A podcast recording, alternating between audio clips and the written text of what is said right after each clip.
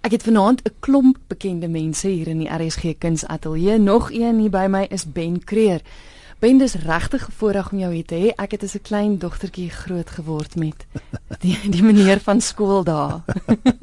Dis lekker om jou hier te hê. Baie dankie, is lekker om hier te wees.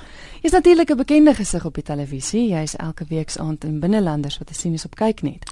Dis reg, ek is nou besig met my derde jaar op Binnelanders. Kan jy glo, tyd gaan gou verby. Hmm. En gaan jy nog 'n rukkie daarom daar wees? Hulle het sopas my kontrak hernie, so ongelukkig gaan julle nog 'n jaar lank na my moet kyk. Jy oom Okkie. ja, daar's hy, daar's hy. Die rede hoekom ons vanaand gesels is daar's 'n fees in Cullinan, 'n kunstefees. Nou, daar's eintlik in elke dorpie dink ek 'n fees, maar as dit 'n fees, ek dink ek het gelees wat eintlik al lank al bestaan. Ja, die die fees se offisiële naam is die Protea Kalifest. Mhm. Dis nou die 14de jaar wat die fees gaan gebeur. Dit het begin as 'n doodgewone kerkbazaar, ehm um, by die NG Kerk Premier Myn en hulle is gelukkig genoeg om een van hulle lidmate is die grootste Protea boer in die land. Japie produseer 50% van die proteas wat verkoop word in hierdie land op sy plaas buitekant Cullinan. Okay. En hy het toe begin om protea uitstallings by die kerkbazaar te doen. En die ding het verskriklik gegroei en baie populêr geword. Soveel so dat hulle ons verlede jaar genader het. Nou as ek sê ons, moet ek net eers verduidelik wie ons is. Ek werk saam met 'n liefdadigheidsorganisasie met die naam van die Helpnet Fonds.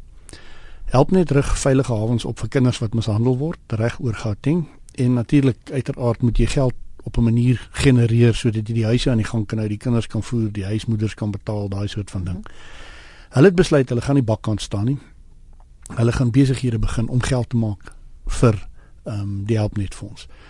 So by so het hulle begin om tente aan te koop en 'n mobiele verhoog wat hulle nou uitverhuur het aan funksies en so aan en so voort. En later aan het mense hulle begin vra maar kan julle ons nie help om 'n paar sangers ook in die hande te kry nie en hulle toe nou naderhand 'n paar sangers onder kontrak gesit en ook 'n paar akteurs en dis hoe ek by die ding betrokke geraak het so 2 en 'n half jaar gelede.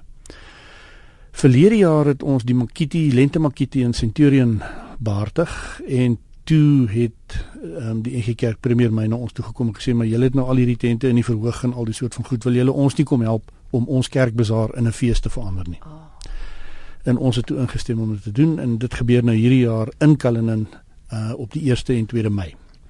En as ek reg verstaan, is dit ook die eerste keer eintlik wat daar toneel gaan wees. Dit is definitief die eerste keer wat daar toneel gaan wees. Snaaks genoeg wie baie van die ou kerkgeboue is gebou met goed wat wat mens half nie verwag nie. As jy nou in die kerkgebou instap, aan die voorkant is 'n tradisionele kerk met 'n preekstoel en 'n pyporgel en 'n galery en al daai soort van ding. En as jy nou agterin loop, is daar 'n volwaardige teater met 'n verhoog en kleedkamers en en en hy het nou nie ligte en klanktoerusting en so nie, maar dis maklik genoeg om in te bring, maar dit is 'n teater agter in die kerk. En hy kan so 250 mense vat. Ja. En ek het nou 'n bietjie begin rondvra onder my pelle. En ons het besluit omdat dit binne in 'n kerk gebeur, moet ons goed soek wat 'n 'n bietjie van 'n kerktema het. En die eerste akteur wat gaan optree is Paul Lukhof. Hy speel oom Wimpie in Binnelanders. Paul doen 'n een eenman vertoning met die naam van Die Koel is deur die kerk. Nou dis gebaseer op sy eie lewe. Paul kom van 'n 'n baie lang ry uh, predikante af. Daar's 'n stuk of 13, 14 van hulle in sy familie. En soos hy sê, hy preek ook nou maar van die verhoog af.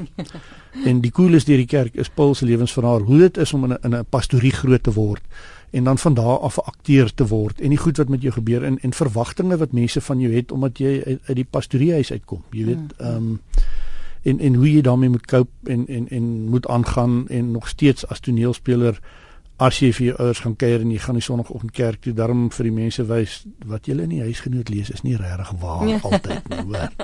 Ehm um, dit is dit skreeu skreeu snaaks. Ehm um, jy lag vir jou byna dood en snaaks genoeg die geskiedenis van die toneelstuk is baie soos Patrick Meinhardt se boy van Betuli. Paul het in kleedkamers gesit en vir ander akteurs stories vertel. En so het mense naderhand vir gesê, maar hoorie maar sit hierdie stories bymekaar en maak dit 'n een eenman stuk. En uiteindelik so jare wat gelede het Paul dit vir die eerste keer gedoen en en sedertdien is is gehore mal daaroor. So Paul is ons eerste toneelstuk by die Protea Kalifest. En dan na hom my goeie pel Frank Opperman met die klaagliedere van Dominee Tini Benadi.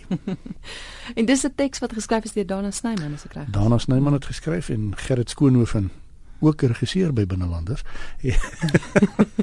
het die regie behartig. Ehm um, dis 'n pragtige stuk en dit dit tref regtig diep. Snaaks genoeg Frank sê vir my meeste van sy optredes gebeur binne in die kerk.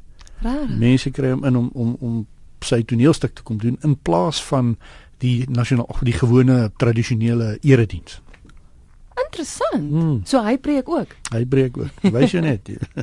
Nou, hoe gaan luisteraars maak om te weet, ek dink meeste mense weet darm waar Kalinin is, maar waar kan kaartjies gekry word? Is daar 'n webwerf? Daar is 'n webwerf, jy kan kaartjies kry deur CompuTicket. Jy moet net gaan soek vir die Protea Kalifest. En daar gaan kaartjies ook verkoop word op die dag natuurlik. Die toegang is is baie baie billik. Ehm um, vir groot mense is dit R50 'n dag en vir kinders R30 'n dag. En as jy nou jou toegangskaartjie gekoop het, um, is al die musiekvertonings gratis. Jy betaal nie ekstra daarvoor nie. Vir die toneelstukke, ons het ons het uh sitplekke bo by galery, dis R120 en in die saal onder is dit R100. Ek dink dis baie billik vir twee uitmuntende toneelstukke en soos ek sê, kaartjies op CompuTicket of by die deur. En is 1 en 2 Mei. Dis reg. Dan waarmee is jy nog besig? Wel, Jy klink besig genoeg, maar is daar nog projekte in die jaar wat voorlê, dinge waarna ons kan uitsien? Ja, ons het ehm um, verlede jaar die lente makiti gedoen ehm um, in Centurion. Ons gaan dit hierdie jaar weer doen. Maar ons het besluit om dit hierdie jaar 'n baie sterk kos, wyn en ehm um, tuisgemaakte bier inslag te gee. Daar's kos en drankfeeste reg oor die land, maar Pretoria het nie so iets nie.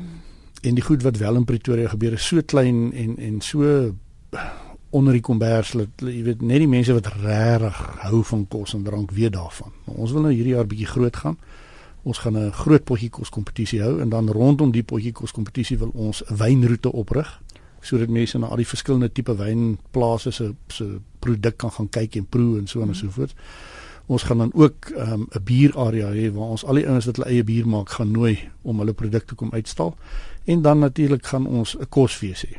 So mense wat kaas maak, ouens wat salami maak, almal, jy weet, klein vervaardigers wat hulle eie produk maak gaan genooi word om deel te word van hierdie groot lente mak- makiti. Opwindend. Gelukkig bly ek in Pretoria. Ek ook. Ben dit was so lekker om jou hier te hê. Baie dankie. Dis 'n groot plesier.